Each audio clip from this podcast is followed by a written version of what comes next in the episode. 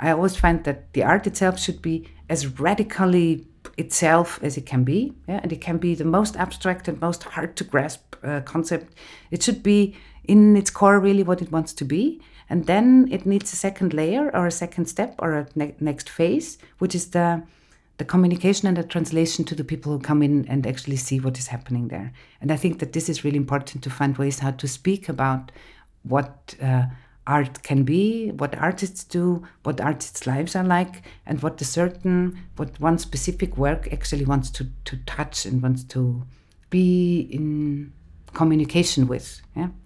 And I uh, personally also think that art is not, art has no function. Art is. Um, is should be i think and i always enjoy when when this is the case it should be really useless in the sense or in this understanding of it should not be commodified. It should not commodify a certain uh, approach. It shouldn't commodify uh, a certain topic but it should open or it could open a conversation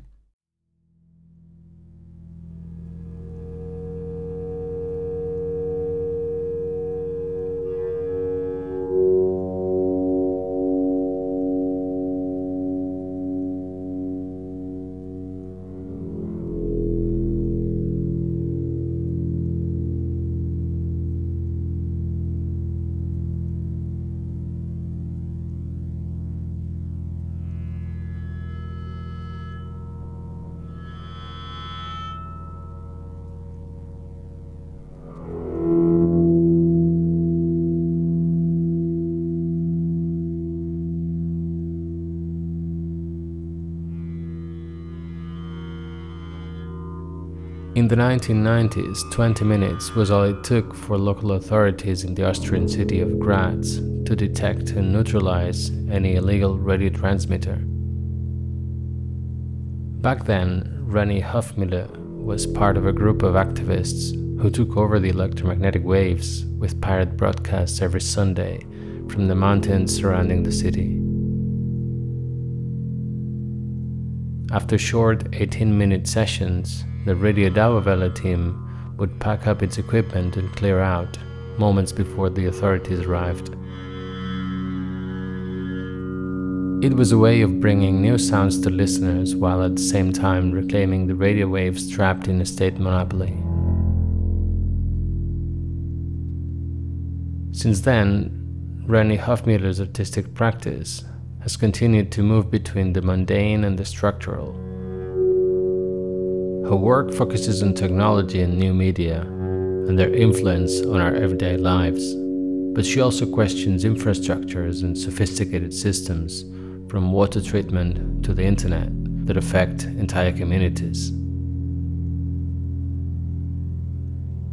As an artist, activist, and director of the Ask Media Art Lab, also based in Graz, Reni takes an exploded DIY approach to her practice. She's just as happy to take gadgets apart as to dismantle complex and or invisible infrastructures in order to better understand their inner workings and imagine new uses. Her practice and activism, often embodied collectively, have led her to experiment with assembling antennas and nanosatellites, to explore phytoextraction, and to find out what buildings sound like. Nobody ever really killed my cu- curiosity in anything, she cheerfully admits.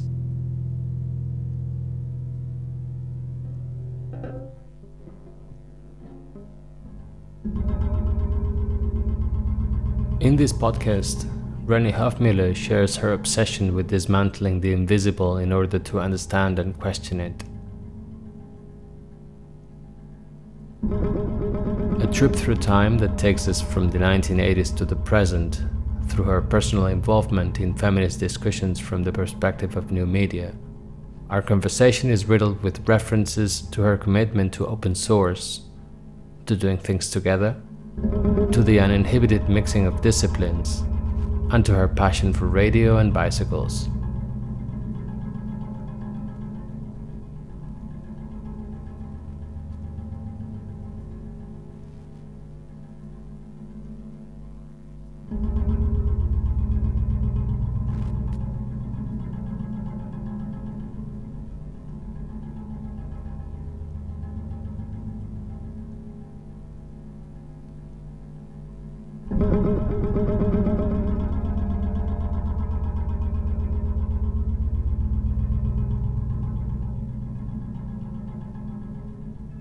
My name is Reni Hofmüller. I'm an artist, I'm an activist, I am the artistic director of esc Medienkunstlabor in Graz, in Austria. That's a space that I run together with a colleague since 1993. Uh, her name is Ilse Weber. And we've been focusing on technology since the beginning. And the basic idea behind that was to see how technology actually affects everything that we do.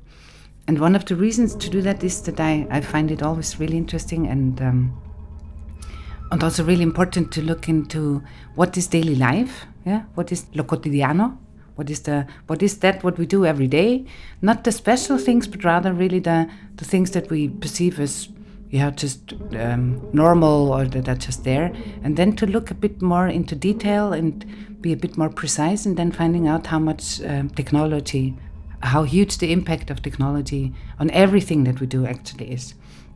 And sometimes it's technology to, that we understand that is technology in the sense of a recording device or the mobile phone I use or all the gadgets that uh, I carry around with me. But then there's also other technology, let's say, for example, like the water system. The water comes from somewhere and it's being taken away after I've used it, like in the toilet or when I just did some dishwashing at noon. So, where do these systems, uh, um, who controls these systems, how do they work, and how does the how does this infrastructure actually work? So, infrastructure infrastructure is something that I also find really interesting, and again, always in relation to people, to the individual, to groups of people, to what we could think of as a community, like in a city, and to see where we have um, where we have a say in how this, this is being organized and where this is actually so hidden that we don't know how it works. And with the water system, I think most people don't really think of it because it always works. Yeah, I cannot remember any moment in my history here in, in, in my life in Austria where the water wouldn't have worked. There's, there have been some times when we had an electricity shortage, but also this is so specific and so special and so out of the norm that you would also remember it. So it's not on a daily life basis, but it does happen. And still, it's something where we don't really think about it a lot, where the electricity comes from, um, what it entails in the sense of what, what are technological developments in this direction. And also, again, do we have a say in how they're actually uh, being set in, in motion or who decides what it is that we actually have as possibilities?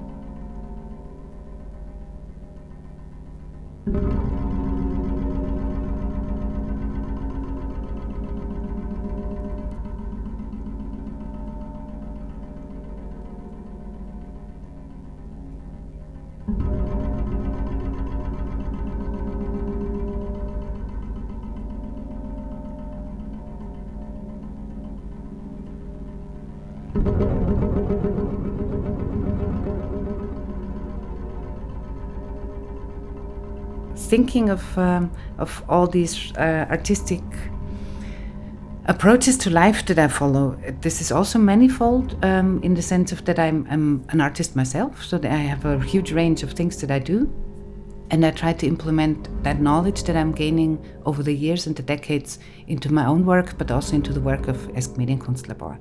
And um, in that sense, there's also the the border or the the, the yeah, the border between what is my own work and what is work at ESC is sometimes a bit blurry. So, of course, all my knowledge always goes everywhere. Um, and this is sometimes really hard for myself to understand which cap am I, am I wearing at the moment? Am I an artist? Am I the organizer? Am I a curator? Am I the artistic director?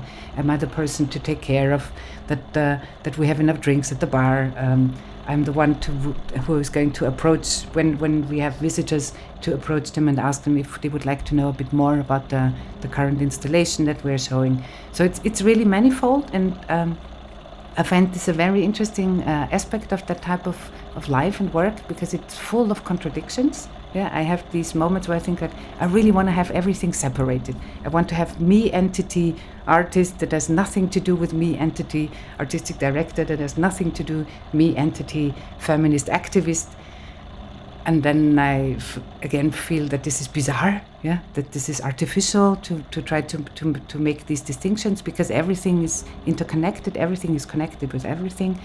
So um, I find that it's really interesting to look into concepts of work. Yeah, what is what is my uh, my understanding of my of or of this type of work? What is also my understanding of what is a let's say, for example, fair pay in in in, in that uh, context? So it, it's it's a it's a highly complex and always interwoven type of um, approaching the world, I would say.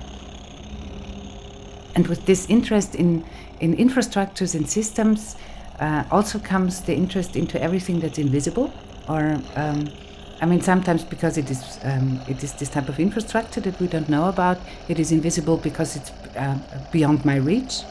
But sometimes it could also be invisible in the sense of it's electromagnetic waves. Yeah? We have no no direct human senses with which we can perceive it, or at least I think. Yeah, I don't. I personally don't think that I feel the towers of the of the mobile phones. There's people who say they're affected by that and respect that, but I cannot say that for myself. Um, but I find it really interesting because it makes me more um, careful in perceiving what it is that surrounds me. And I've always also tried to look into what is not visible at the moment. Um, this is a feminist approach to looking into my surrounding in the sense of if I look at the at the artists talk that we had this afternoon, who who are the people who are coming to such a to such an event and who are all the many people who live in the city who would never be part of that. So they are invisible because they are not participating, but they are part of it in the sense of that the topic that we um, that we tangle or that we touch actually has an impact on everybody's life. So it's it, it's I find that interesting and important uh, and um, politically necessary to again and again and again remind myself that even though I'm always surrounded uh, with people and I'm in, in, communication with a lot of people, there's also many, many, many people that I don't know about.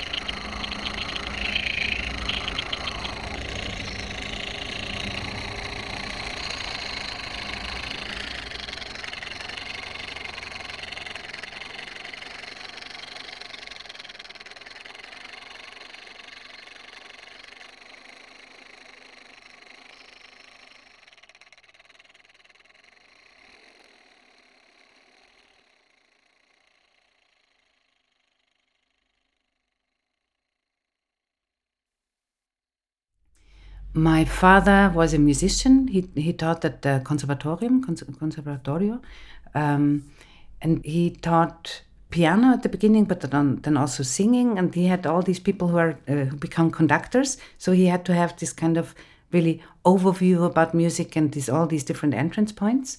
He had a grand piano in his room. So specifically in that uh, in that time, I'm born in the 1960s. So my mother and my father they lived together, but they had their own rooms. So my father had his had his own room with uh, the grand piano, a huge collection of records, starting from the very, very, very first recordings of jazz music. He, has a, he had a lot of classical music, but he also collected um, jazz music, and he had a huge band, um, like uh, a band machine, you know, with these with these big, um, but the tapes were in these big rolls so uh, there was always music and sound and technology already in that space yeah and this magic of okay these huge wheels they turn and the sound comes out. And as kids, we used to sit under the grand piano. Yeah, um, we would always crawl into the. We would open the door and crawl on the floor, thinking, you know, this is how kids think, thinking that if we were not at the height where our father was sitting, he wouldn't see us and then we we, uh, we would crawl under the piano, sit there, and see him play. And if you know how the uh, this piano is, it has these pedals. Yeah, so we knew okay, there's the one pedal that kind of makes the, the the tones stay on longer. Yeah, and then there's the other one where you can actually, I think, where you stop that. Yeah, I don't even really recall that so well. So I have this memory of these of these moving sticks and these feet and my father was really i mean he was a very nice and gentle person and he, he he knew pieces that we really liked. So then when we would come in he would always play the pieces that we really loved. And then we would sit under the piano giggle or comment on what he was playing or comment on his feet. Um, so that was something that was really important in the sense of it was just there. It, it was nothing for me it was never uh, special that somebody would listen to music it, with the records and the tapes, but also uh, in the radio, and also make it themselves. So for me, that was completely logic that you have all these accesses, and we could also we were also allowed to play on the piano, so you would just play around. So that was the one really strong influence, and the other strong influence was my mother. She was a feminist. Uh, she was one of the first feminists in the second wave feminism in the 1960s, 1970s she went uh, to the street on demonstrations for the right for abortion. Yeah. Um, she also founded uh, like feminist history in the 20th century and maybe also a, a, bit before. So women's rights, and that was her main field of research. She she was um, she had studied law she actually wanted to study mathematics and didn't do that because at that time the only job she could have done was uh, to go to school and teach young kids, and that was not what she wanted to do. I think she would have really wanted to go into research, but there was no, that was just not, uh, not on the screen at all. And she, I think she was a very gentle person at the beginning. As I mean, she has been gentle all her life, but she beca- became more radical in her political positioning due to the fact that she, she saw how uh, gender inequality actually affects everybody not only women i mean women are then the ones we, we earn less and these kinds of things but it affects everybody because the roles that we are squeezed into they're not healthy for anyone yeah? And they're not they're not liberating they're not they're not carrying us to to to be ourselves but they rather uh, put us in prisons of different types. So she, she was the other influence. And her room was she had a she had a desk and her room was full of books so I had this like the intellectual part and the interest in the interest in society, in this political understanding, and also the let's say the in a way normality that if you if you want to be part of society or if you want to to change society in the way how it is at the moment, the responsibility is what you can do. And this can be in the choice of your work, it can be uh, in the action you take really to be active on the street. And that was, for me, that was totally normal. Um, I grew up in Innsbruck, in the western part of Austria. All my other relatives lived in the very eastern part uh, of Austria because the parents of my parents didn't want them to get married. So they went as far away from them to the west as possible inside of Austria. So for me, family for a very long time was uh, the, the ones who lived together in this one flat. And everybody else, like, um, like all the other relatives, they exist as words.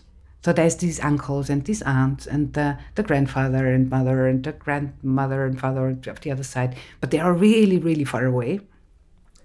And also, my both parents were they were both academics, and I grew up in a, in a workers um, in a, in a part where mostly working uh, class family lived. Also, Tyrol, where I come from, is very Catholic, and my mother decided to to leave the church when I was five and first my father was like, wow, what are you doing? Because his job at that time was with the local government. And it was clear, you know, that was kind of, that's a no-go. And a year later, he also left church because of the way how, like, the, the, their whole idea of, of what society is and what, what life is, and then also how they treat women and how they think of women. It was, for them, both of them was clear that's not the world they want to live in. So they also, they don't want to be part of that. So we live in this, in this, we are in a surrounding where we are one of two academic families with, I would say, like 70, 80 families or even more We are not Catholic in a very Catholic country. My mother is a, a, a, a feminist. My father is a musician. So there were so many things that were not typical. And the other thing was also that because I had no brothers, there was no, you know, there was no competition between genders when we grew up because we could just, when we wanted to explore something, we could just explore it. So for me, it was very, very normal to, if I had a good reason why I wanted to do something, that I could argue that, and then my parents would um, agree to that or not, but mostly they would agree, and then I could do that. And I was never confronted with, I cannot do something because I'm a girl for a very long time. And that of course makes a good basis builds a good base on which you then can actually start developing your own personality.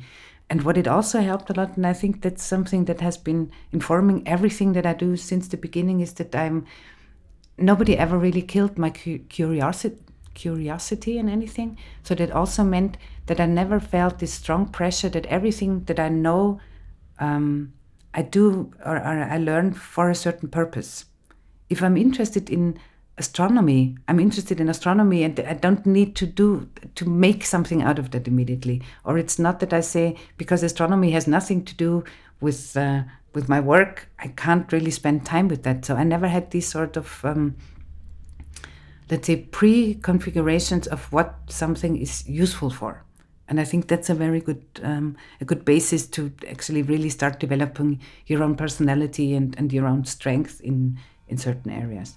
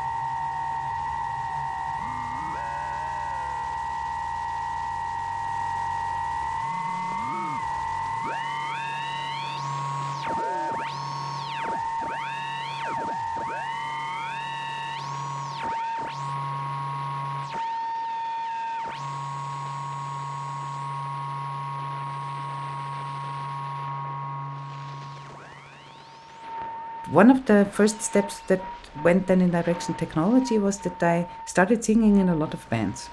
And it was, of course, it was all guys in the band and me, the only woman. So very typical classical gender role um, uh, partition, so to say. And so what I decided to do is then I, then I thought, okay, if, if I if I have the microphone and that is this typical thing, at least I want to have a microphone and I want to have uh, I want to have access to a little bit of technology where I can have some echo, some delay on the voice basic, easy stuff in a certain way, but still it gave me control over my own voice and, and it also gave me control about on changing this voice a little bit. And of course, because I used that, then I wanted to understand how that actually works. And, uh, because uh, we connected everything to a mixing desk, I thought that okay, I want to really understand what happens if I put the cable in there, and then the, the other cable goes from the other side out, and then it goes to the loudspeakers. So what is it actually that happens there? So at a certain moment, with a, one of the friends of mine of one of the bands, we took this mixing desk apart because I was curious. I just wanted to know how that works, and I had these. Um, some at least of these people around me were also accepting that I had this this curiosity without having the knowledge of how how to putting it back together, for example. And also always said, I'm going to do that together with you because I'm not the one who's able to repair it once we've taken it apart.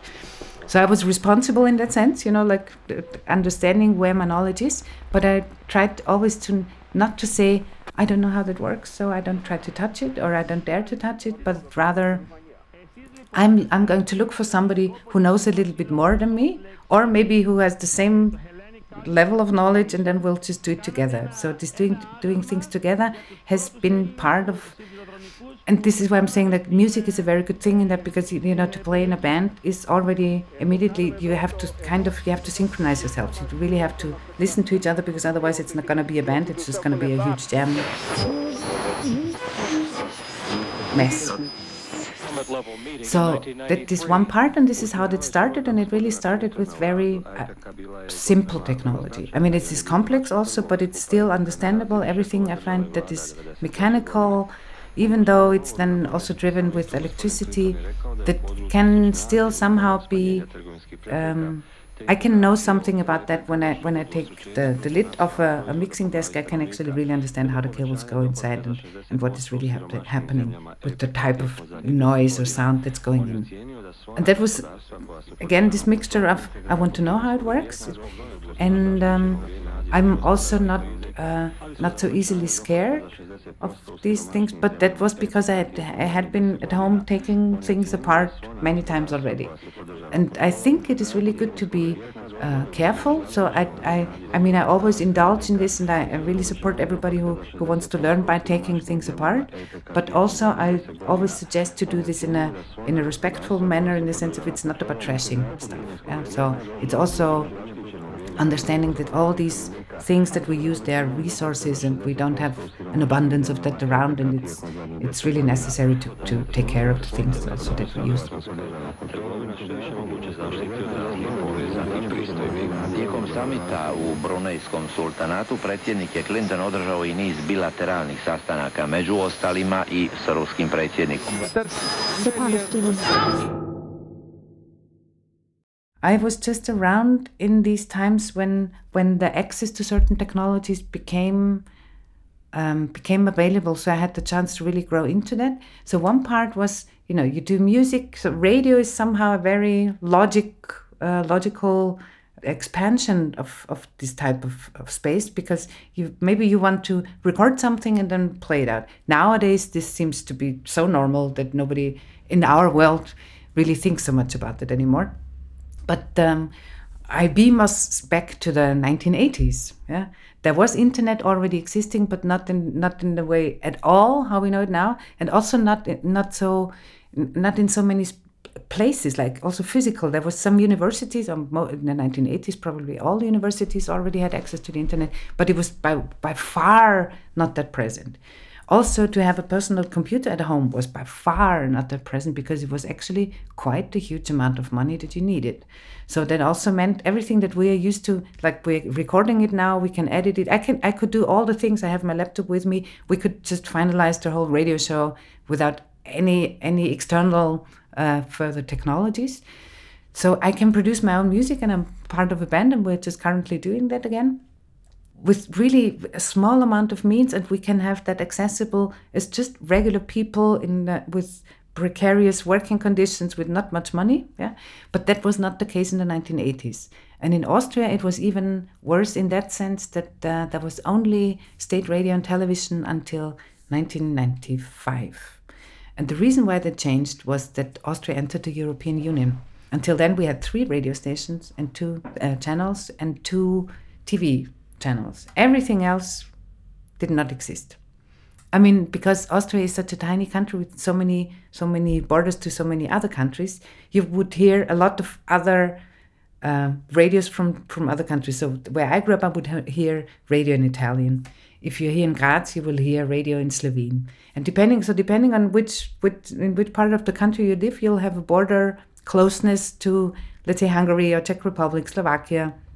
So you can always have all these other sounds, yeah. But it's not. It was never accessible for ourselves to to do that to to produce um, our own shows or to have access to that type of technology at all. And this is why, again, in, in the beginning of the 1990s, there was a there was a, I think the third uh, wave of radio piratism in Austria. So there has been one during the Second World War, which is not very known, and of course was also like small in the in its dimension and in the capacities they had, but it, did exist.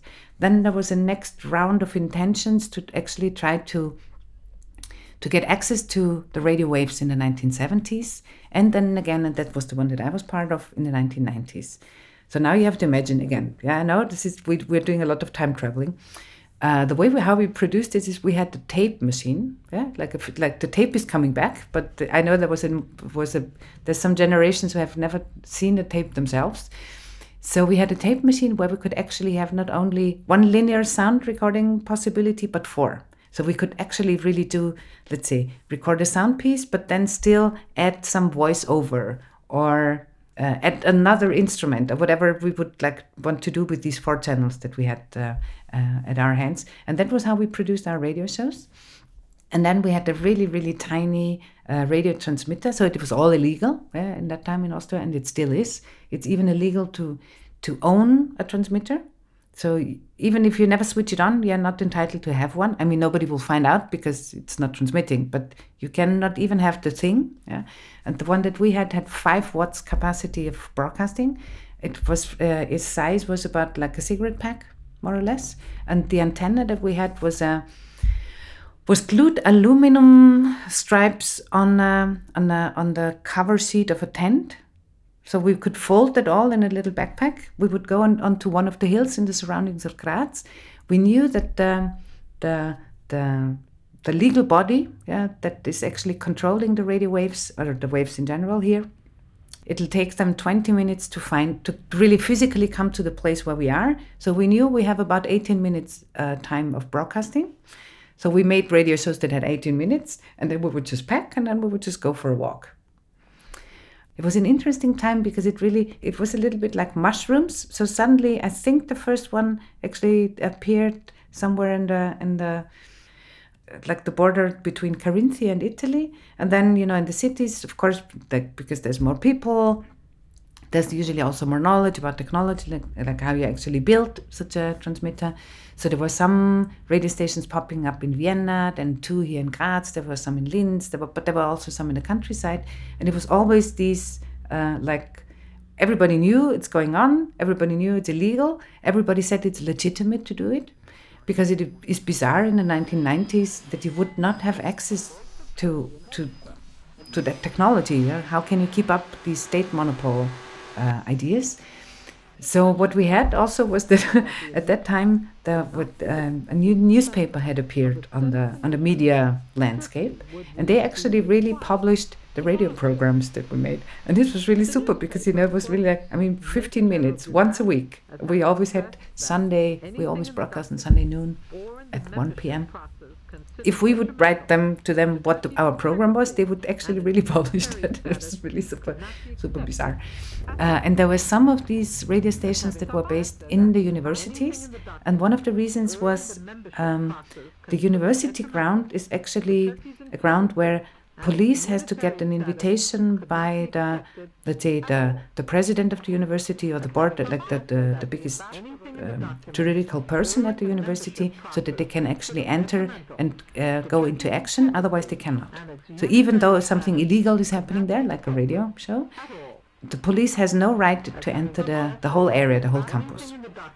So there was one radio station that was broadcasting from the university, from the technical university in Graz, and we we were the autonomous anarchist, whatever uh, radio group, we would always go to the to one of the hills the membership process considered detrimental to Turkey's integrity and its unitary status could not be accepted at all.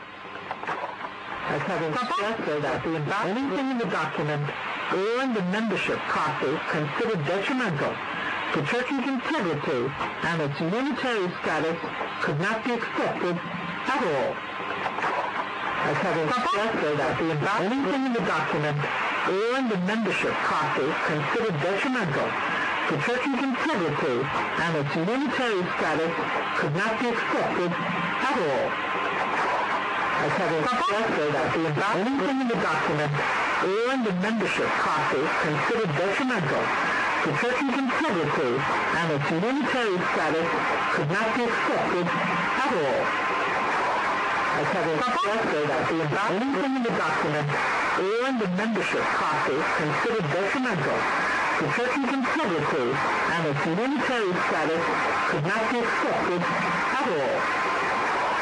As having suggested that the anything in the document in the membership process considered detrimental to Turkey's integrity and its unitary status could not be accepted at all.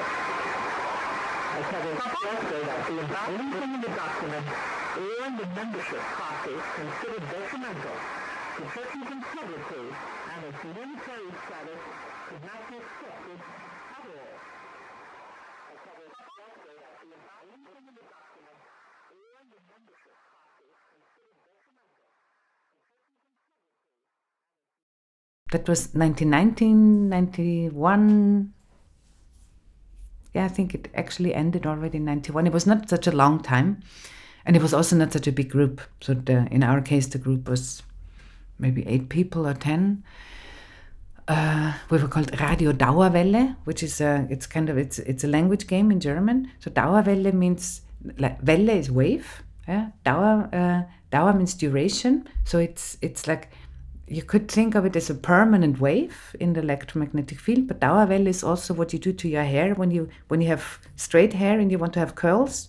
That that what is called permanent, I think, in, in, in English. So you want if you want to have curls, that's also called Dauerwelle. So we were playing with this uh, with that term a bit. And the interesting or the the the main reason to do this type of program or what we wanted to do were uh, two things. The one was to bring in different a different type of content into the radio sphere, so to speak, that was not uh, this pseudo pseudo objective neutral reporting about something the what we still think of the news but uh, having a subjective positioning, having a, a clear political standing in what we were actually, what we were talking about, and also from which standpoint, from which perspective we would look at that, and also all that sound and music production that was going on that was never represented in, in the in the national radios because they never played it. Yeah? So they would play the big hits uh, from the United States and UK and I don't know where, um, the Italian summer hit, and uh, then there was like one part, one type of uh, uh, music produced in Austria that was being promoted, but nothing else. So we wanted to claim the waves for for all these other things that happen, and it doesn't matter if it's bands that uh, they're producing their own uh, or making their own music, or all these sound experiments that would go more in this direction of what we would consider sound art or radio pieces or whatever.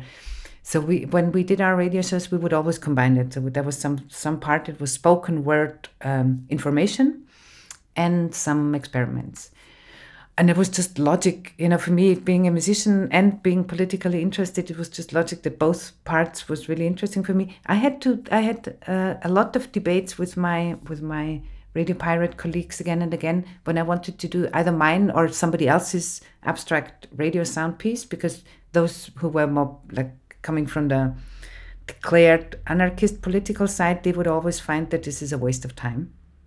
So what what you know what what what this what what is that good for? And then I would always fight for the fact that all all expressions are important and they need to all of them have the same uh, validity and the same reason to be and the same right to be broadcast. So that was that was really interesting because I, I've been in situations of that type of struggle since always and I'm up till now. Yeah, that there's a that there's kind of a it seems to be a quarrel between uh, political positioning and art, and I'm always thinking like, why, where, how do you how do you not see that this is all connected? But yeah, that's that's one of the realities that I'm uh, constantly being confronted with. But I also I enjoy the the, the fighting for the or the struggling for for this for a deeper understanding of, of, of what artistic expression actually can mean and what it what it can be.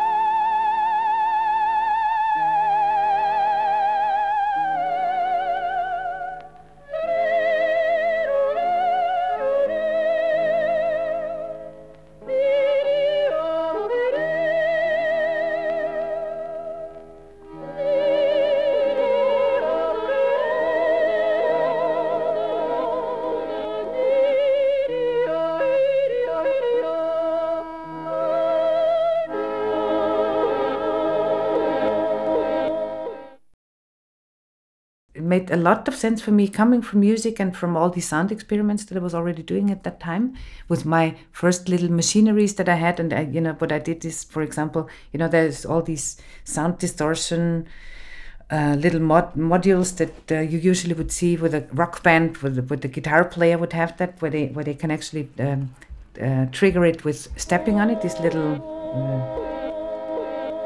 devices, effect devices and it can be a distortion or echo or whatever these types of things. And i would use them for voice or for other things that i could, could connect the microphone to. So i made all these uh, sound experiments. So it would so somehow that's, that's how it started. It started with let's say analog music and that analog uh, was still analog but already done and produced with some machinery. And then this machinery got connected to a to a recording device, which was this four four channel tape machine, and then that would at a certain point be connected. The tape that we produced would be put in the Walkman that we used. That was connected again, uh, like a really uh, very nice device, totally uh, unknown uh, to current generations, and that would be connected to the radio transmitter, and that would be broadcast. I wasn't sitting at home and thinking like, I want to do radio. It was more like it, it just evolved. And um, because I was uh, active in also here when I came to Graz in, in 1989, um, I got in touch with some feminists. They were part of, a, of an anarchist group, and inside of this anarchist group, there was interest for the radio. So it was more from this political side. And of course, they, they are also, I mean, because they're just regular um, young people at that time uh, enjoying music, so they would also sometimes come to concerts that we played. So in a way, um, it somehow came together, and that had to do or has to do also with the fact that Graz is not very big. So at that time, it was probably 280,000 inhabitants, um, and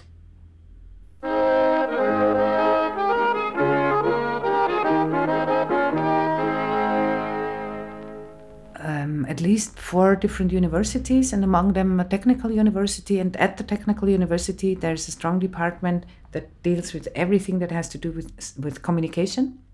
And somehow, uh, these these groups, when it, they're not so much separated groups. So somebody who would uh, study electronics, of, of what now would be called mechatronics, would maybe also be part of a band, and that maybe somebody else from the band would be part of this anarchist group. So it was kind of a kind of a certain social surrounding.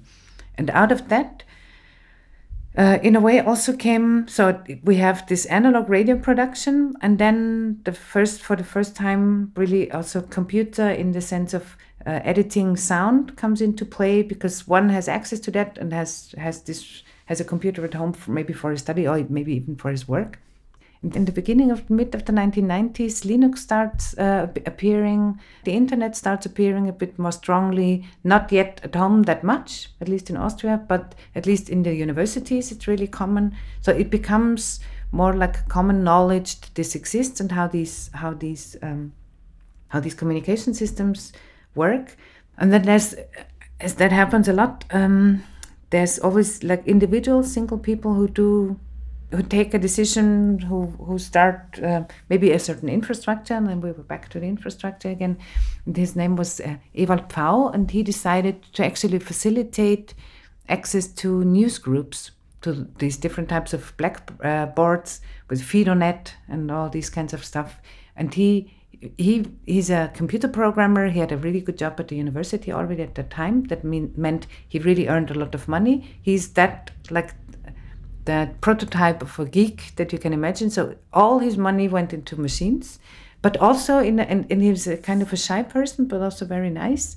And he decided to facilitate to a handful of people here in the city who were artists like me, interested in technology but had no economic means, that he would keep the telephone line open for us so that we could actually really communicate from one computer to the other via the phone lines and via his machine. That meant that he had really huge phone bills every month. So, really, a huge portion of his income went to just us um, writing more or less really unimportant stuff. And I also do remember that at that time, I knew I would I, I had the chance to be online for maybe an hour or so. And I was sitting there already an hour before I would go online, intensely thinking about what could be important enough that I would write that to, I think at that time, 22 other people who I partly not even know. I mean, imagine, you know, now nowadays it's just like everything just, just there's no filter, nearly no filtering at all anymore. But at that time, and it was really, it, it, and it was exciting, and it was also really hard to grasp how that actually works and I always try to find metaphors for myself to imagine what this is, what this actually does when I have this computer here, and then there's this phone line, and there's this other computer. And this other computer actually spreads that stuff. So, I, you know, this is what I mean. I had this luck to be in there in the time when that slowly started because I had time to get my head around that. And also have people around who were really enthusiastic about it and explained me everything usually much more than I could actually take in. But at least you know it, it was there, and it was never. I never um, had the feeling I shouldn't understand it. I had the trouble with and the problem with the jargon. I had the problem with the language. You know, like what does that actually mean, and how how can that be translated into something that I can understand, who I'm not a computer scientist um, and also not a mathematician. So how can this translation, how can these translation processes happen in a way that it's not paternalizing? Because I find that this can be really ugly, you know, when you start um, kind of um, simplifying things down in a way that they actually falsify the content. That's that's really bad. So to find people and to develop these languages together.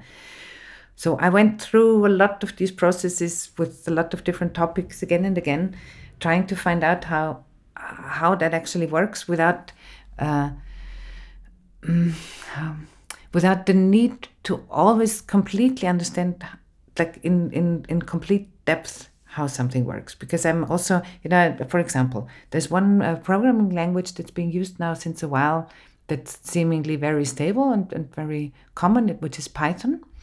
And when i came across that which is maybe like 15 years ago or so I wanted to understand how it works, not necessarily because I want to become a programmer, and I'm not, but to be able to speak with programmers when we work on a, on a project together, what, let's say, what the building blocks of, of that specific software are, and how we can how we can find a way how to exchange about what we actually want to do together without everybody having to be the expert in everything because that's also it's totally uh, it's impossible and I actually meanwhile even think it's stupid and I think it's also about um, delegating. But to be able to delegate, I I need to have an understanding of the of the complexity of the of the whole thing, and it doesn't. It's like I I need to know about uh, static uh, in the sense of like if somebody builds a house, it's really necessary to that we we're on the first floor now or in the second floor floor that we can rely on the fact that this is actually holding and not falling apart. But I don't need to know in, in detail how that works. I just want to know that I know okay I can trust the, such a type of building because that knowledge knowledge exists. So that's that's what I what I've been um, been doing in a way to trying to find to understand how the system uh, how the systematics of something work and um, and find people with whom I can or we can uh, deepen that understanding, but not necessarily only in the sense of uh, of uh, of the technology itself. So I, I don't need to know all the all the commands that you would use in Python to actually uh, have the program do a certain action. Yeah but more also okay if that if that is the type of software that many people are using and it's free software so everybody can use that what does that mean? So always translating it in both directions or in several directions yeah? So translating it understanding it deeper in its in its own core yeah? To understand the systematics of that language but then also understand okay how is this embedded now in general in the whole computer world? But how is that is such a type of programming and computing actually also connected to, to the world in general but how does it impact i don't know how does it impact workforce maybe or how does it impact the, the whole society? How does it impact how we can use uh, this type of computer infrastructure together? And always try to, to, to accept that this is a, this complexity is not something that is a burden but this is actually joyful yeah? And that it, my knowledge of something is not complete when I when I only know know a little bit about its own specifics, but it's like a, a part of a puzzle that's totally loose and not connected to anything else. And I think that's um, this type of attitude and this type of learning and relearning and always again and again trying to find people with whom I can do that together and to create situations where we don't need we don't need the the, the expert expert but we maybe need uh, a setting in which we can deepen the understanding about a certain topic together. And I think that's that's at the same time uh, a feminist approach. It's also an approach that I see in the um, at least in, in parts in what is free software development, what I see in everything that's commons and commoning. Um, yeah, what I see in, in, in many in many let's say different areas content wise, but I see similar strategies.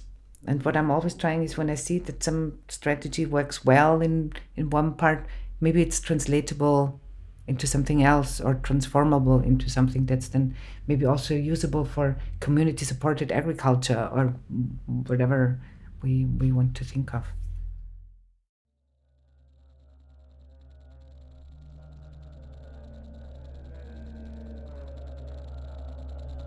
The knowledge and also the connecting with other radio stations that actually happened later.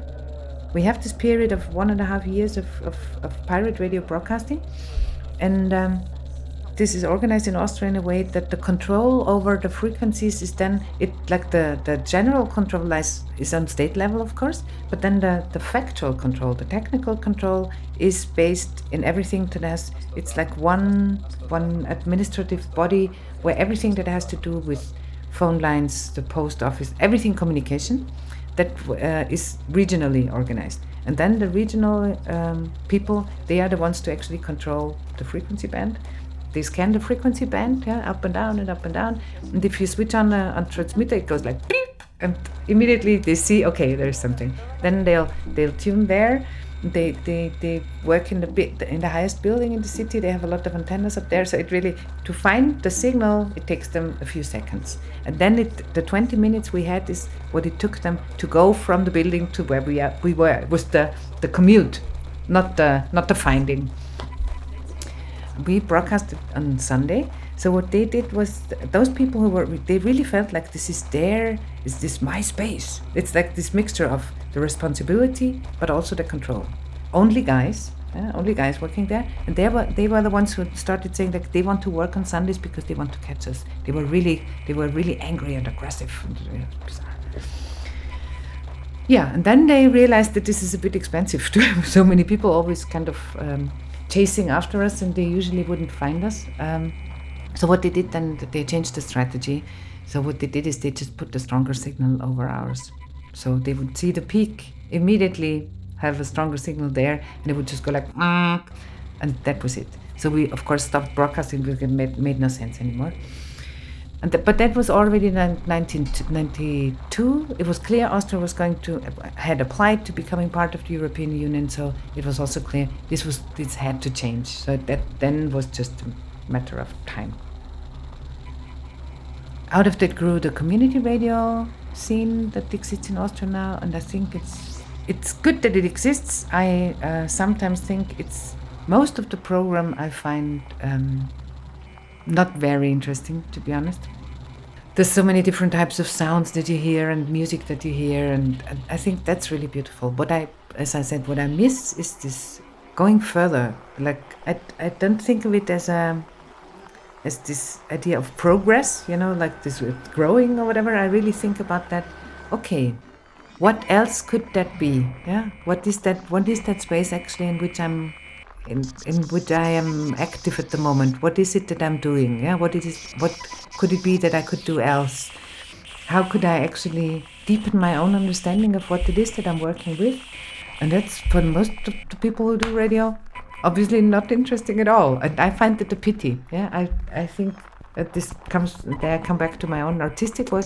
I find that's one of the the biggest beauties of of uh, of radio. That it's such a it's such an in a way easy space to work with and to experiment in because it's not visual. It's not you know there's not many things that one actually really needs to experiment in that i think so i find it it's let me put it that way. I find it astonishing that not more people experiment with it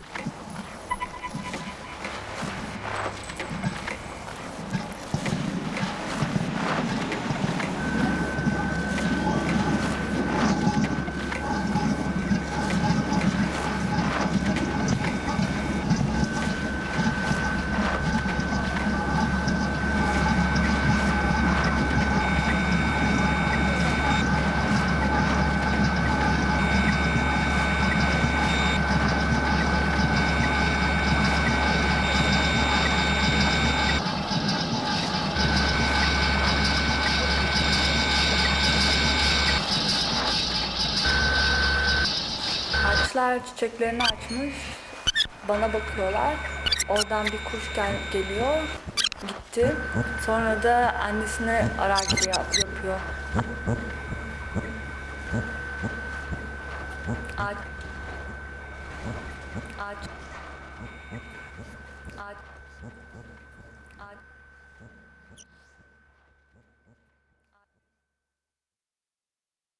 The antenna building period, so to speak, started in 2010, 2011, 2011, I think.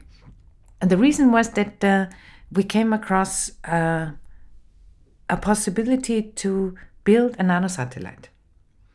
I'm involved in different WEs. Yeah, in that case, the WE is um, Mur.at. Uh, it's written M-U-R, like the river that flows to, through the city, Mur.at.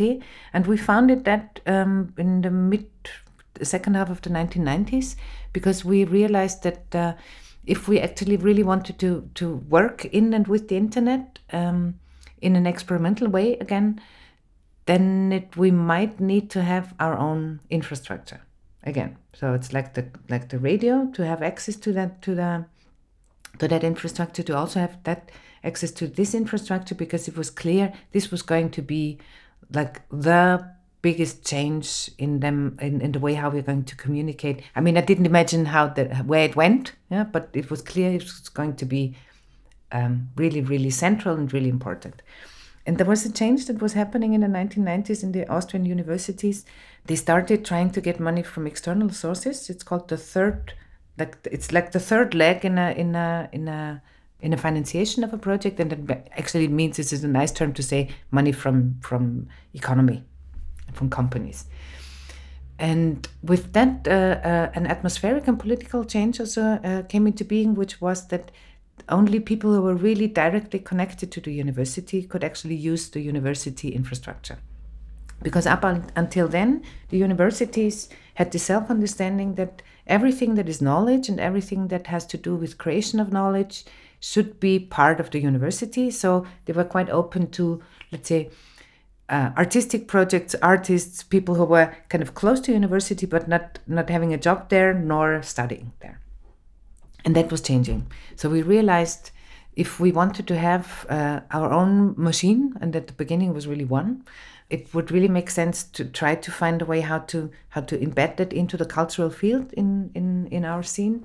We thought that it would actually really be good if we if we grew the internet inside of this cultural infrastructure in the city and it, you, you are here you know that there's many many many different places there's many different organizations institutions initiatives different different sizes different topics but i mean of course it's if if you think of of um, the internet as an infrastructure is like having having a phone. Yeah so it's it's it makes sense to have it and it also makes sense to have the the the, the direct connectivity in in your own house so to say.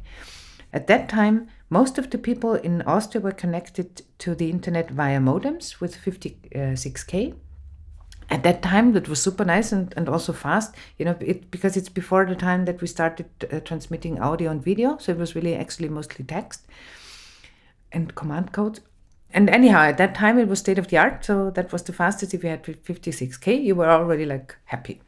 And then there was uh, other technologies that were based on the same type of, of telephone copper lines uh, which we started renting at the beginning of the uh, of the project of mur.at, which was in 1998, 1999.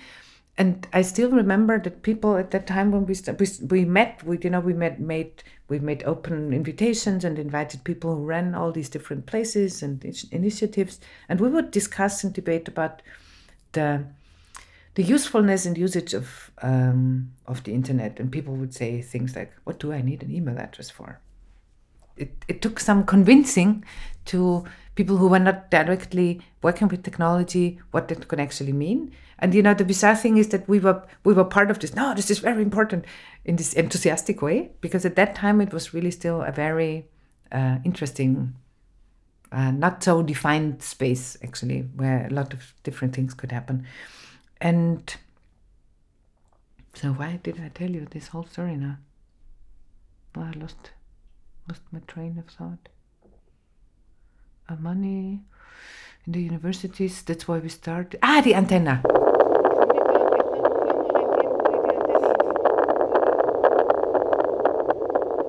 Yeah, so the thing is that we, we started that and we said the, the, the basic idea was that, that we said okay we're gonna have like we're gonna have one like let's say central server that is really directly connected to the internet. And from there we are spreading our connection and connectivity to all these other spaces. And then and then we'll as mur.at we will take care of that infrastructure up until the modem that connects let's say your initiative. And then whatever you connect behind that is your uh, um, responsibility and also your choice. So you can have one machine or you can build up a huge uh, local network. That's up to you and up to what, what you're doing. And at the beginning, that was really super and great because it was the best, uh, the best and, and very affordable uh, way of really connecting to the to the internet and having a lot of servers online all the time where people really started uh, experimenting and the thing was that we said we need that we really understood we need that type of infrastructure mainly because we were running not a lot but some experiments where it could be possible that you actually block the whole you know you make a mistake it's just you experiment with things you try things out and it could be that you block the whole the whole uh, part uh, access to to the internet from mur.at. And so it needs to be a surrounding in which that can happen because otherwise it's not an experimental network and that was actually what we what we wanted. But also of course uh, to have uh, all these infrastructures that have to do with communication and all that kind of stuff, to have access to that too, and to have it under our control, and also say, okay, this is all free software based. That's important uh, uh for. Um, for political reasons, but also for technical reasons, to say, okay, this what we create there and this what we develop there, we want to be able to share it without endangering anybody else. Yeah, so it's not only about do I if I take the risk in anything, that's my choice, but I cannot set up a system that actually that that uh, involves you in a risk you you didn't really want. So we said this is really important to really work with free software and also again to understand that this is that's one of the main tools of our time. And the thing was that we, we started with mur.at in the 1990s because of that. And then it grew and it has gone through different phases in the sense also of it was really important at a certain time because it was the best and most stable and, and really fast connection and connectivity. Then the, the internet develops more and more and more. It gets it's get, get it becomes more interesting also for certain companies. So this infrastructure develops. mur.at doesn't really change so much in its technical infrastructure, also not in its uh, general setup. And then there's a time where we where we are ridiculed a lot. Yeah, we are really belittled and say, "But who are you with your little service there? There's the cloud, you know. There's Google, and there's this, and there's that, and this is all paradise and super and so cheap for us." Really not taking that serious anymore. And then things happened like uh, the revelations from different personalities, WikiLeaks, and all these things happened, and Snowden happens, and then suddenly people. Well, we we were always talking about it, and we were always saying, "Why are you giving your data? Why why are you doing this? Why don't you think about that?" But you know, like tiny, small organizations, not and also not the biggest. How can I say? Um, uh, missionaries, and also not. I'm also not interested to run around all the time and say, please reflect on what you do. I mean, I do that sometimes, but I, it, I also really wanted to do my own things. So now, since a few years, the appreciation of that has changed again. So there's also an understanding that not only is it necessary to understand much deeper and much in more detail what is actually really happening, technologically speaking, but also to really see that, especially these, let's say, smaller. Um, um, smaller infrastructure, smaller initiatives, smaller and kind of decentral uh, network possibilities in the technical, but also uh, in other fields, that this is, is actually very a much better approach to everything. Because if one part of that fails it's also not that everything is gone already uh, immediately and also it's still understandable it's accessible it's also much more changeable in the sense of if we see that something goes in the wrong direction, maybe we can at least we can make the effort and can see how we what we could do. So it, it's still it's in a way still in our hands. So there's a there's an equilibrium between those who who run it and who use it, and I think that's really beautiful. And one of the things that we started doing there was that uh, at least for the first 15 years or so, every year or every second year, you, we would do a community activity. And one of these community activities in 2010 was that Yogi, he's the sysadmin, one of the core figures who's been there since the beginning, Yogi Hofmüller, my dearest partner, uh, and companion and compañero and everything. Um, he found, li- he read a little I think, a three liner in a newspaper saying there's this company in the United States called Interorbital Systems, and they're developing a, a different type of really tiny um, nanosatellite that is uh, available for 6,000 US dollars. And he takes this information, he brings it to us in, in, in the, like, to the community and asks and suggests, suggests what if we build a nanosatellite.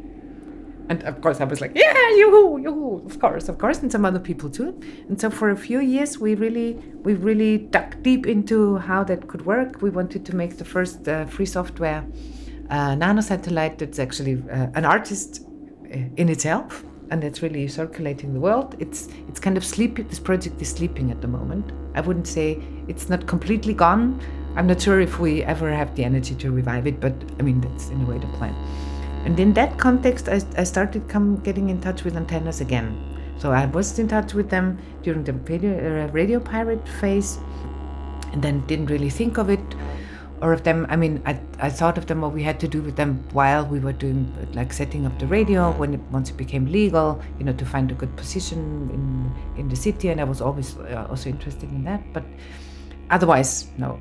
And then with building that satellite, the, the receiving signals from such a small object, because it's really, it's maybe 12 centimeters high and has a diameter of maybe eight or so. So it's really tiny. And again, a very small, like a very weak signal that it could send if it any and when it's gonna uh, really travel. and so now how do you how do we get the signal in? And then of course you need antennas, and then the whole antenna thing came back. And at the beginning, we were doing something that's called that many people do that. Um, it's called satellite fishing. Super nice. It's um, you have an antenna, you have a little usually USB uh, based uh, receiving device, and then some software on your on your laptop. I mean, that's at least the setting that we use. And then you need to know where it is, when it is, and how it, well, what it is transmitting. And then you can actually just point out the, the, a very simple, basic, normal small antenna, and you point it out, and then maybe this is a cube satellite that has a, a side length of 10 centimeters, sends out with 5 watts, so it's really tiny. It flies with 26 to 28,000 kilometers per hour, and you can pick up the signal. I mean, this is really mind blowing. Yeah? So we are satellite fishing for a few years, and I've, and I started using that for performances also, because I find the sound just just beautiful. And then I started building uh, antennas, and the first one I built was actually in Gijón in El LABoral and uh, so we were building that, and the, we just tried to build a, a classical Yagi antenna. And uh, at that moment, we didn't have the right tools, maybe because too many of us tried to do the same thing at the same time. And also, I have to say, I'm not a perfectionist at all. And I get totally nervous when something has to be 10.7 something centimeters, millimeters. I'm more a person of, I'm, I'm, an, I'm an improviser and I like things, I mean, I like when things are really as they should be, but I'm, I can just work with the fact however this is going to come out.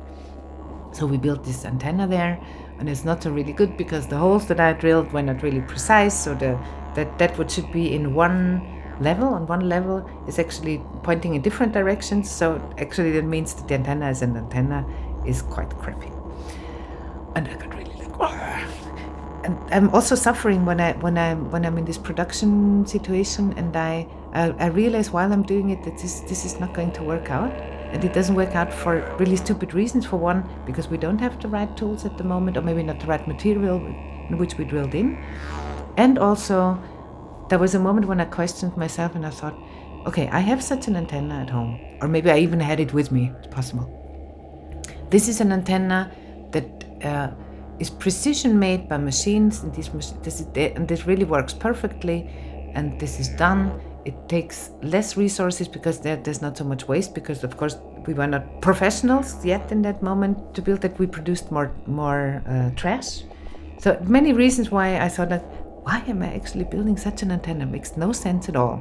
And that triggered that okay but maybe i can build an antenna that only i can build. And this is how the antenna building started. And then the knowledge of the pirate radio comes back with this aluminum stripes and i was like nah aluminum is really not good for the body not good for environment I'm gonna go with copper. And this is how this, this copper antenna came into being. And then I built another copper antenna. And in that time, I just stumbled upon uh, a totally different field, um, which is fun- fungi, fungi, and everything mushroom and um, and all this networked intelligence. And then I stumbled upon slime mold, which is a totally amazing creature. It's all single cells, but in a way they have they have knowledge about what the others do, so they, they work in uh, in a sort of collective way. Nobody knows how they do it. We humans at the moment, scientists, whoever, can only describe that it happens. We, so there's experiments you can make where you can prove that this is actually really happening. It was not a coincidence, but nobody knows how because there's no, you know, in a single cell you don't have any any intelligence, at least in the way how we understand intelligence at the moment. So I, I let the slime mold structure build an antenna and then I made the antenna out of, um, you know, there's this paint that's, that's um, uh, is conductive, so it, it lets electricity through. So I built now a really tiny slime mold based antenna on that. So again, different knowledges flowed together.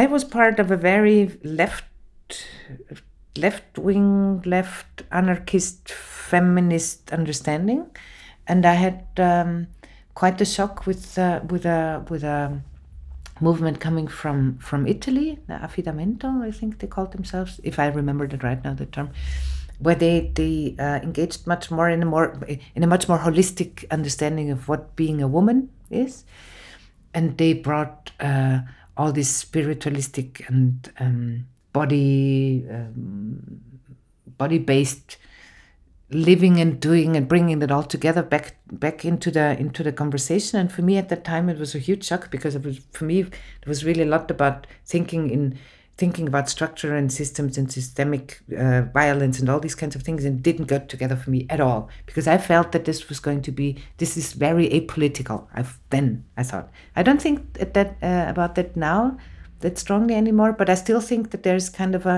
there's a trap in that yeah when we go back to the biological because it's really totally not what I think um, can actually really lead to a to a, a, real change of how we can how we can think of a we that is not defined via these types of categorizations of body.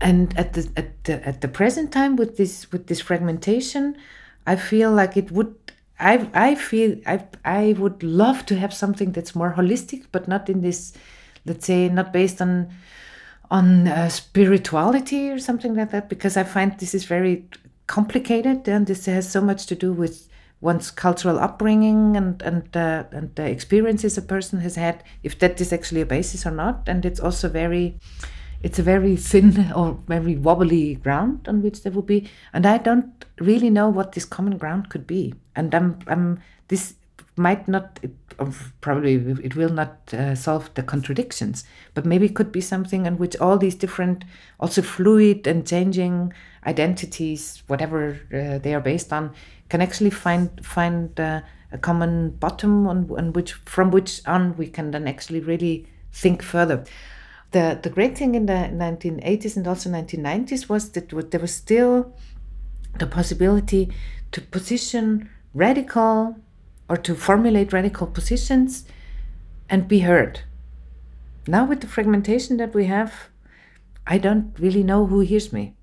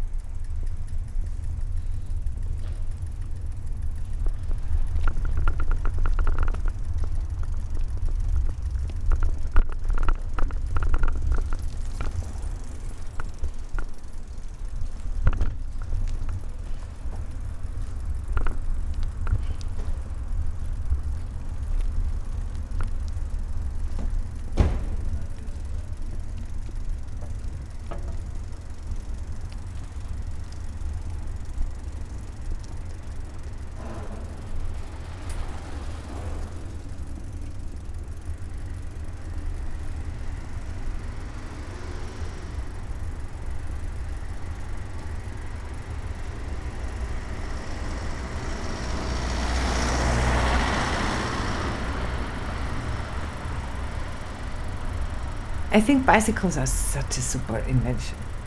It's a super nice because it's a very um, practical way how to how to um, transport yourself and also some things. At least in, in let's say in this in this what is my my daily life distances. So everything that I do is at the distance of maximum 15 minutes in one direction by bike, which I find really super great. And I can always go. Meanwhile, I even have a, a rainproof, a waterproof trousers so I don't care at all anymore. I just go. I can transport most of the, the, technical equipment that I need with the bicycle.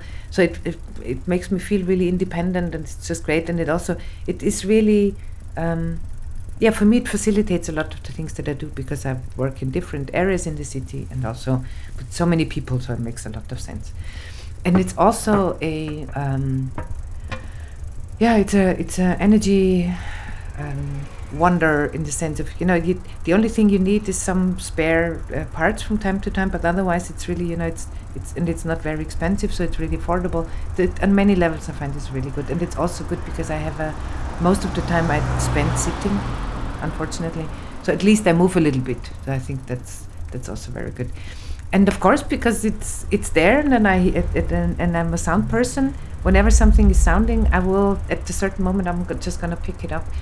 And I've used uh, bicycles for like just in the in the way how they sound in, in several uh, performances already and I think it's just great to to use simple technologies like these pickup microphones, um, piezos called piezos, and put them on on on anything metal that can vibrate. Yeah, and it means so this is a type of microphone that is that that will not pick up my voice if I don't put the microphone directly. I mean, if I put it directly on my yeah the vocal cords, you know, the part of the neck where where where actually most of the sound happens. If if we put it if I would put it there this microphone could pick up my voice, but it does not pick up anything that just goes uh, travels through the air, which all the other mic- most of the other microphones do. So when you put this piezo microphone on a, on a vibrating or possibly vibrating surface, you're gonna have that sound, and this is something that you can do, of course, on a bicycle because there's parts that do that uh, do not move, and that, that comes from its background. Actually, comes uh, because I started playing with and on buildings. Again, it's something that's there, something that we don't really think about a lot. If it's, I mean, this is buildings are, I think, something that are very practical, and we think of their architecture only if it's either very beautiful again or ugly, or if it's very dysfunctional. So when it's functional, we don't really think of it so much because it just facilitates what we want to do. But I like that, that the buildings can just have additional ways of how we can think of them and how we can perceive them. And one of them is that they can actually sound, or they do sound. Some parts of buildings anyhow vibrate because of the of the nature of what it is, like uh, like the heating systems, for example. And then there's other parts that will only resonate if you if you actually touch them with something. So I have a cello bow that I usually use for that. So I, I put the piezo microphones on different parts of the building, and then I go exploring. It's playing the building.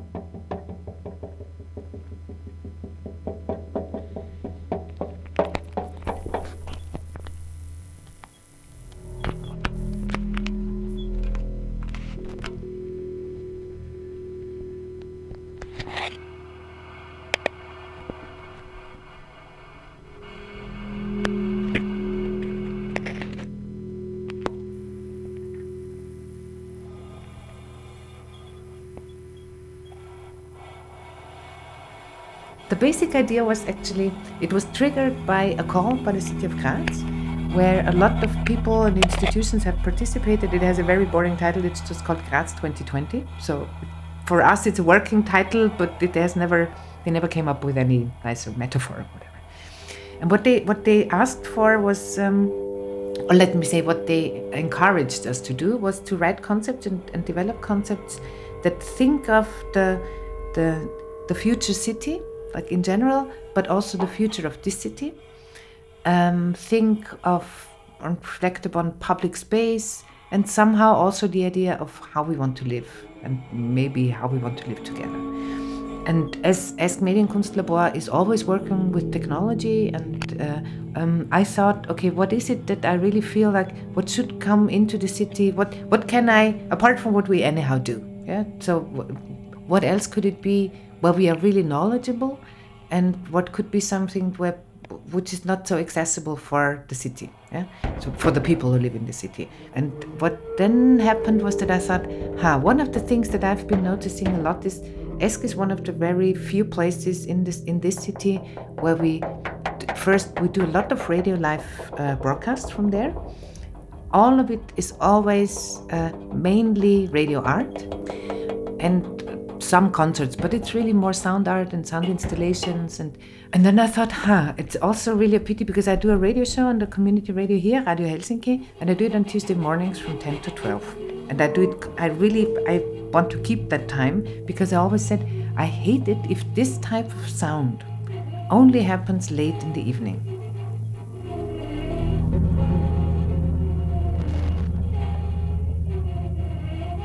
I don't. I feel like I'm exiled. Yeah, with all these types of works, usually they happen later in the evening, and I find it really bizarre because I know I'm tired at that time of the day, and I probably will not listen to that. And you know, most of the radio shows that happen at that time, luckily they I can I can listen to them later again because I'm at 11 or uh, in the evening or midnight.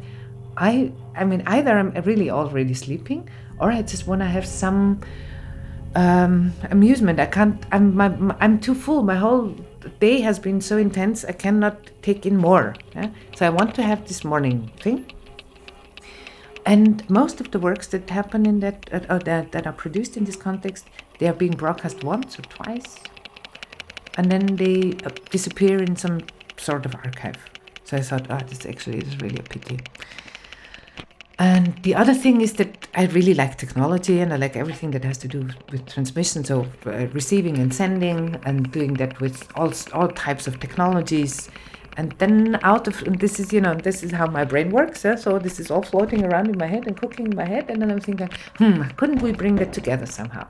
And then I thought, okay, there's, I mean, it's a really bicycle city. Yeah, we might have noticed, and. Um, there's I've, we've been thinking about building this satellite and one of the things to perceive the satellite signal is to have a, an antenna built, uh, um, mounted on a rotor rotator so that actually the, the antenna is going to point in the direction where the where the rotor is and then you can you can give it the information and then it's just going to be pointing in that direction if when a certain satellite passes by and you can pick up the signal. So that can be one sound uh, thing because it's that what it sends is can be Morse code or it can be if it's a weather satellite it's gonna sound like an old needle printer like and this beautiful. Uh, the other uh, thing that I thought about was okay there's so many things again the in, in, invisible for us. There's so many things that surround us that we cannot perceive with our with our direct senses but they still surround us. So I'm gonna use um, some some of these sensors, like the normal ones with temperature and, and humidity and the kind of stuff, but then also fine dust, or also magnetism, radiation, you know, all these kinds of things. And I'm gonna mount that on a bicycle. So everything is gonna be mounted on a bicycle. I mount that too on a bicycle, and we're gonna translate these data, and it's real-time data we get in into. We're gonna transform them into sounds. It's gonna be sonification but we can also use the same, same type of uh, information because that it comes in Python. Yeah. So I'm then I think like, oh yeah, okay, Python. I know about Python. Cool. I can somehow handle that. So uh, this these data that come in, they, they are going to be actually piped through or like led through um, one piece of software that it's called uh, Open Sound Control uh, which actually means that a lot of sound um, sound software and also other types of software they, they, can they can work with that type of information. So they have that built in. So it's like an interface. So we have the the, the real time. Um, sensor data the interface provides that for other softwares and then other people can play with that and with this i already have a setting where i can say okay i can i can make the we can hear the city so it's a different type of city radio it's not asking like having a microphone and asking people how do you feel? like in the city but rather really just widening our horizons into what what is there. And that is going to be one of the basic kind of let's say compositions that's going to be evolving over time. And um, what i'm going to do is that i'm going to do seven interventions in public space. So this I'm gonna have a, a carrier bicycle, so it's not a regular bicycle, but a bigger one where I can mount a lot of stuff on. I'm gonna have an umbrella because, of course, I'm gonna do it during the day, and it's gonna be only with sunshine, and that means I need an umbrella for me and also for the equipment. I'm gonna have really tiny little uh, mixing desks, um, all these tiny sensors because I try to to use as little energy as possible. And uh, on each of the of the positions in the city, I relate that to either a political event or an artistic event or an artistic work that is there or has happened there. And then I always invite some people to really make new pieces for this. And then I'm, so we're gonna have uh, the city as it sounds. We're gonna have new pieces by people who live in the city. So I try to mix it with some who live in the city and some I bring in, and also works from radio archives and radio art, um, so that this is going to be present in different uh, public spaces in the city, so that people who pass by suddenly get a different um, sound and acoustic environment. And I'm hoping I want to record all of that, and then at the end of the year we're gonna have, or in September, October, November, we're gonna have one bigger uh, exhibition with several works that's called Cyborg Synthesis, and uh, the radio cyborg transmitter is gonna be part of it.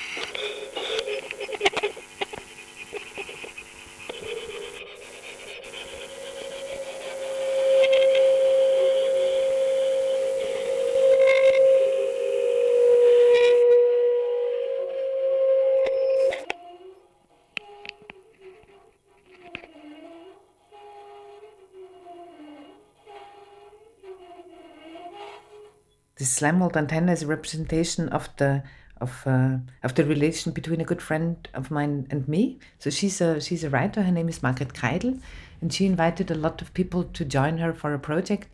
And she just said um, she she needs an object. She gives us a certain size for this object, and it's going to be displayed in a in a library in Vienna, where they still have this um, you know the old the old way how to how the old way how to look for books, which was on these little papers.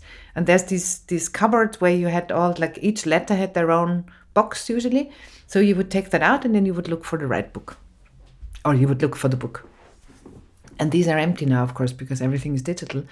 And uh, the people who run that who run that uh, library, they invited her to to make a to make a work there. And I think they imagined that she was going to put like one poem in each of the of the drawers. But she invited, and it's 60 drawers, and she invited 59 people, artists, uh, friends of hers, to give her something that could rest there for a year, and then it would become it would become hers.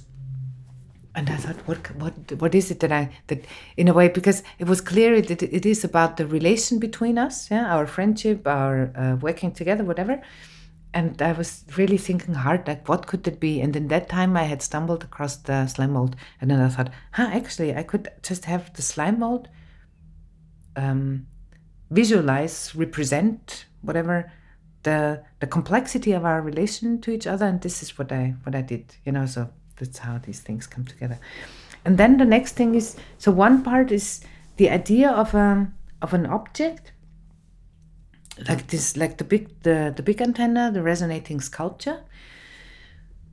This four, four i think it's four and a half by five meters of this very light cloth which is kind of semi-transparent. And on that semi-transparent um, cloth i I've, I've fixed copper lines. And the way how i fixed it the structure is it represents the lines of my left hand. So that's why i say this is, i'm the only person who can do that because only i have these lines and so the first thing was that there's there's suddenly there's this merging together of a lot of different things, and that it's sometimes also hard to describe. I also don't know how that. I can only say then there's the moment when it's there, but I don't know what, what actually happens in me until all these things come together.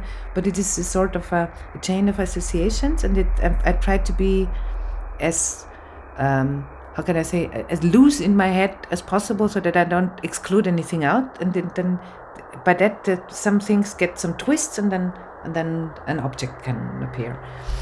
And the thing was that I knew already from all these experiments that I had made with like using this normal, like normal in the sense of regular antenna in, in performance settings, I knew which types of sounds to expect when there was no clear signal to be uh, perceived. And the thing is that, of course, that type of antenna that I use is meant to be used outside. So you need a direct, in a way, actually really visual, um, direct, un, un, uninterrupted connection to the object that you're listening to. So when the satellite flies by, I, ca- I have to be really in, let's say, in an open field or something. If there is a tree in between with just one leaf in the in the line of sight, I don't get the signal anymore. So that's also how how weak or how fragile that actually is. So I know that, and that means also that when I'm inside of a building, most of what I'm gonna hear is probably. Uh, the sound that the cable produces, like the, the, the part from the from the, the USB uh, based receiver to the antenna itself, then the antenna itself has a little bit of, of noise that, that it produces, and then maybe some reflections in the space itself. So it's probably not going to be a signal that comes from outside somewhere, like from space.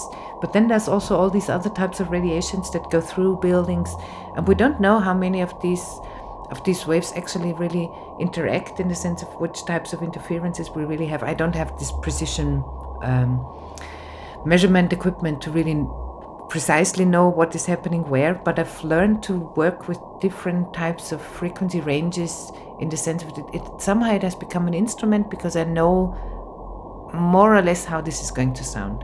And the, for me, the sound check done in a space is really to try to find out is this also the case in that uh, inside of that building because it can be different. And for example, in Radio Revolten, what happened, and this, these are moments which gets really kind of not, not really spooky, but in the, in the sense of it's totally, it's actually totally uncontrollable because I never know what's going to happen. That suddenly the signal got really boosted and it got really loud, yeah, and it goes so fast that you have no. I mean, you have to have a limiter for the very, very loud things, of course, but these. Um, this shift you can't control that's just there and then i also i don't know what it is it could have been that something got switched on or maybe switched off yeah that one really strong signal came in? I don't know but that's just with what i have to work